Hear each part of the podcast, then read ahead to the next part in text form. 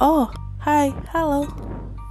Kalau kamu mendengarkan podcast ini, berarti kamu sedang mendengarkan aku curhat. Hai, aku Mamin. Selamat datang di podcast Mamin Cur. Untuk kali ini, setelah sekian lama, aku tidak membuat podcast. Kali ini aku ingin membacakan sebuah buku. Ya, udah hampir berapa tahun ya? Dua tahun, setahun, setahun yang lalu aku terakhir membuat podcast dan sekarang aku pengen membuat podcast. Lebih tepatnya untuk membaca sebuah buku. Ada ba buku baru baru banget baru banget ada di tangan aku hari ini. Dan aku pengen membaca aja. Sebenarnya ini salah satu motivasi aku untuk membaca lebih. Jadi buku ini berjudul Tuhan maaf aku kurang bersyukur. Tak perlu menunggu bahagia untuk bersyukur Bukan kebahagiaan yang melahirkan rasa syukur, tetapi rasa syukurlah yang melahirkan kebahagiaan.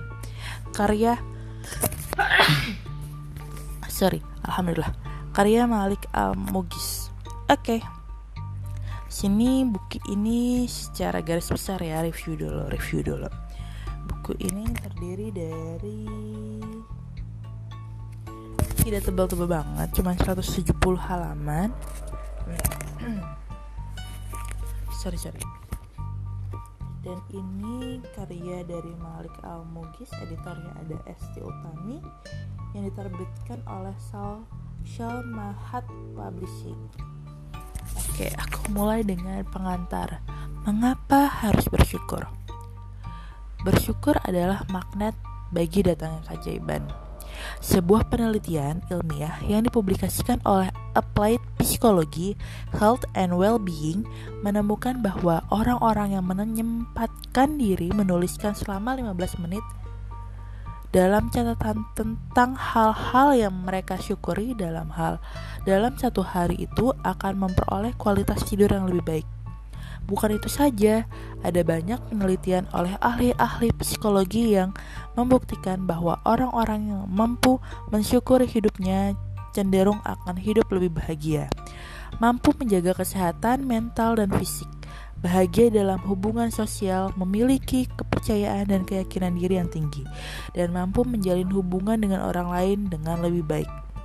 Dengan semua keuntungan itu, tentunya setiap manusia harus mulai berupaya membangkitkan rasa syukur dalam diri demi mendapatkan kebahagiaan hidup yang selama ini mereka cari. Sayangnya, kebanyakan manusia salah memahami rasa syukur. Syuk mereka mengira rasa syukur itu hanya bisa dilakukan bila mereka telah mendapatkan kebahagiaan hidup. Hidupku sudah susah, si hidupku saja susah, apa yang harus disyukuri? Begitu kira-kira yang mereka ucapkan bila diminta lebih mensyukuri hidupnya. Sebagai umat muslim, kita harus tahu bahwa kita diperintahkan untuk selalu bersyukur atas segala kenikmatan hidup yang telah kita terima dari Allah Ta'ala. Allah Subhanahu wa Ta'ala berfirman, "Mereka mengetahui nikmat Allah, kemudian mereka mengingkari, dan kebanyakan dari mereka adalah orang-orang yang ingkar kepada Allah." Quran Surat An-Nahl ayat 83. Banyak di antara manusia yang ingkar terhadap nikmat yang telah Allah beri kepadanya. Mereka sibuk mengeluh dan mengisi harapan-harapan yang hilang kecewa terhadap hidupnya karena apa yang diinginkannya belum dapat terwujud. Akibatnya, hidup mereka menjadi lebih menderita.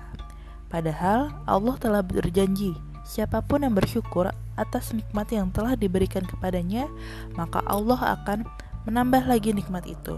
Bersyukur itu adalah magnet untuk mendatangkan keajaiban. Orang-orang yang bersyukur terbukti hidupnya lebih bahagia daripada orang-orang yang hidupnya kufur nikmat. Walaupun mungkin secara kekayaan, jabatan, atau ketenaran, mereka tidak lebih baik dari kebanyakan orang. Namun dengan rasa syukur dalam dirinya, apa yang sedikit mereka terima akan terasa cukup. Jika hidupmu saat ini terasa tidak bahagia, bisa jadi engkau termasuk ke dalam kelompok orang-orang yang kurang bersyukur.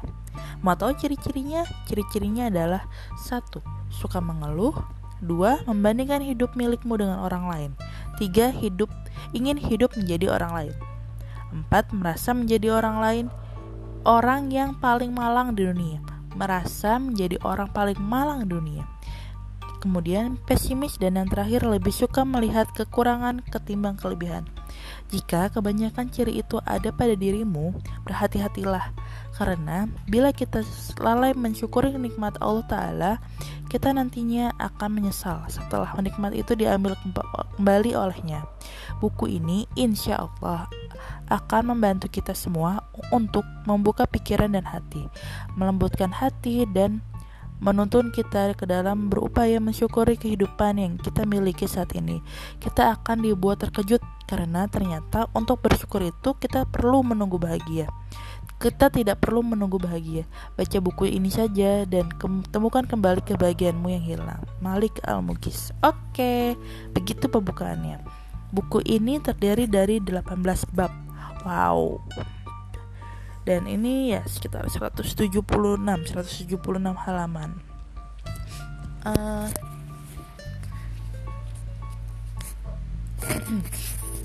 Oke, okay, aku ada sedikit flu nih, maaf ya. Uh, uh, uh, uh, uh. Maafkan. Lanjut. Uh, bab pertama itu tentang mengapa hidupku begini, kemudian ada hidup eh hidup kedua amaan bab kedua itu membencikah Allah kepadaku? Bab ketiga tentang salahkah aku jika membenci hidupku? Bab keempat tentang punya segala yang segalanya lalu ling, lalu ingkar. Hidupnya ber ih peliputan banget ya. Maaf maaf, maaf. kita ulang punya segalanya lalu ingkar. Hidup ber, berakhir tragis. Bab kelima, belajar dari kisah orang-orang yang kufur nikmat. Bab keenam, Kenikmatan seringnya baru disadari setelah ia menghilang. Bab ketujuh, waspadai empat hal ini. Bab kedelapan, resiko mengingkat, mengking, mengingkari nikmat Allah. Bab kesembilan, coba pikirkan lagi hidup kita memang menderita atau kitanya yang lupa bersyukur. Bab ke sepuluh, sepuluh Nikmat Tuhan manakah yang kau dustakan? Bab sebelas, yaitu tentang cara membangun rasa syukur.